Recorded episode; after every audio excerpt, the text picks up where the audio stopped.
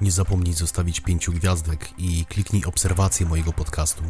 Zaś jeśli chcesz wesprzeć mnie jakimś groszem, zapraszam Cię na patronite.pl slash artur.chrostowski bądź na bajkofi.to slash artur.chrostowski.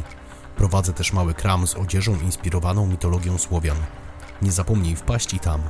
Wszystkie te linki znajdują się w opisie odcinka. Wszystkim tym, którzy postanowili mnie wesprzeć, serdecznie dziękuję. Niech bogowie wam darzą. Sława.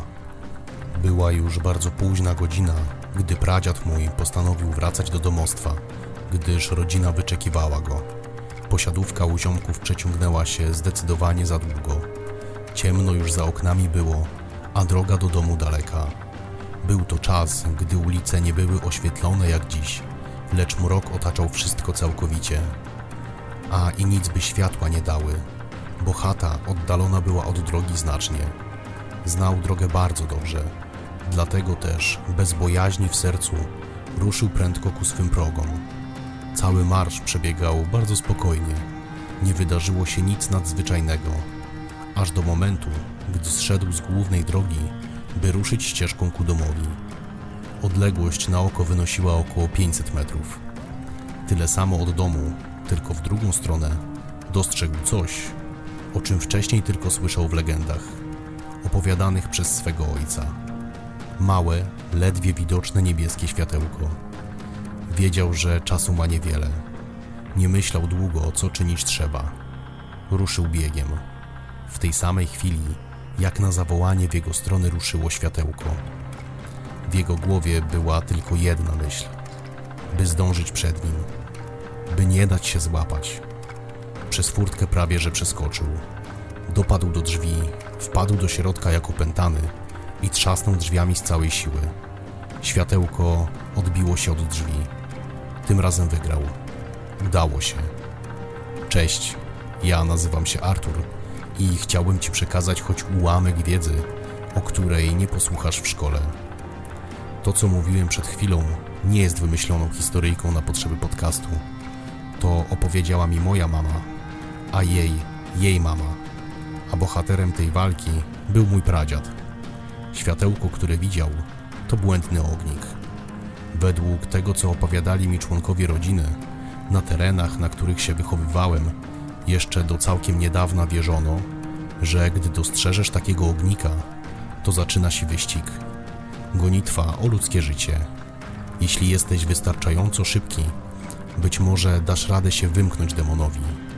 Jeśli zaś on będzie ku tobie pierwszy, to marny twój los. Pomimo tego, że na ziemiach naszych chrześcijaństwo miało się wtedy świetnie, bo nie mówimy tu o czasach odległych, a zaledwie oddalonych o około 80, może 90 lat.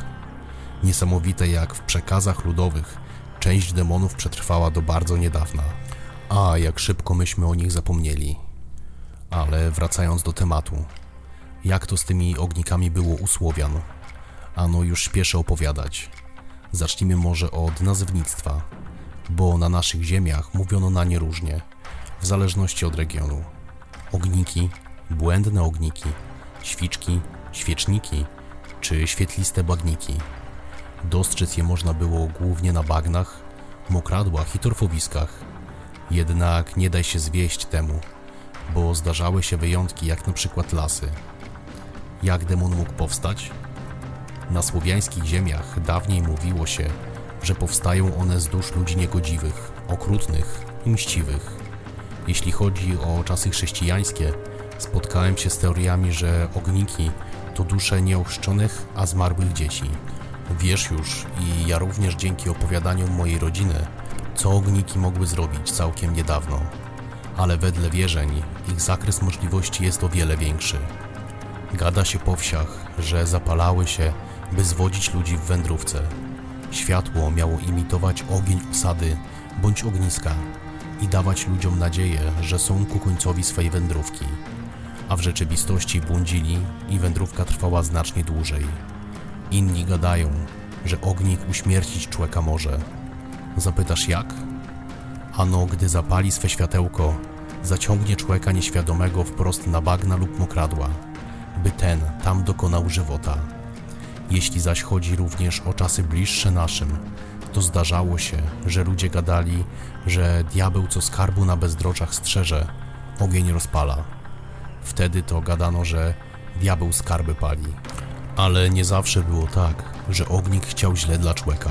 Zdarzało się, że zlitował się nad biedakiem takim, co zabłądził i wyprowadzał go na prostą drogę ku domostwu. To jednak nie zdarzało się zbyt często. Najrzadziej jednak pojawiał się, gdy w pobliżu przebywał znacznie potężniejszy demon. Wtedy to mógł ostrzegać. Jednak sam przyznaj, że znaczeń jego pojawienia się jest tak wiele, że niełatwo odróżnić te dobre od tych złych. Historia tego demona wykracza jednak daleko poza słowiańskie ziemie i znany jest na całym świecie pod wieloma imionami. Ignis Fatus, czyli głupi ogień. To nazwa tego potwora z łaciny. Legenda mówi, że światełko towarzyszy Kowalowi imieniem Will, który za niegodziwości popełnione na ziemi został uznany za niegodnego i nieba, i piekła, co sprawiło, że skazany jest na wieczne potępienie tu na ziemi. W marszu przyświeca mu drżące światełko. Zdarza się, że do ogników przypisuje się też świetliki. One zaś świeciły na czerwono i przypominały bardziej drganie ognia świecy. Mówi się, że są to dusze znamienitych wojów, które strzegą skarbów zakopanych przez nich za życia. W innych podaniach mówi się, że ten rodzaj ognika może pojawiać się w miejscach, gdzie ktoś niedługo umrze. Zły omen, który jest nie lada wróżbą. Jak widzisz, demony to nie tylko te, o których mówi się na co dzień, te, o których prawi popkultura, lecz też te mniej znane. Te, które na słowiańskich ziemiach przetrwały wieki. Te, które i za chrześcijaństwa buszują i czyhają na ludzkie życie. Ludzie wierzą w naprawdę dużo istot. Jednak dziś mało kto o nich mówi. Może gdyby wiedza ta była powszechniejsza i ja znałbym jeszcze lepiej historię naszych wierzeń. Kto wie, na chwilę obecną cieszę się, że choć nieduża część tych legend żyje w mojej rodzinie i ma się dobrze. Dopełniam więc obowiązek i przekazuję ją dalej, byś i ty wiedział, co może cię spotkać, gdy po zmroku będziesz wracał do domu. A gdy zdarzy się tak, że dostrzeżesz małe światełko w oddali, nie czekaj aż do ciebie przyjdzie. Bądź szybszy. Uciekaj, a być może ocalisz to, co najcenniejsze własne życie, gdyż nigdy nie wiadomo, z jakim zamiarem zbliża się do ciebie demon. Oddaj wtedy swój los w ręce bogów i biegnij czym prędzej. Sława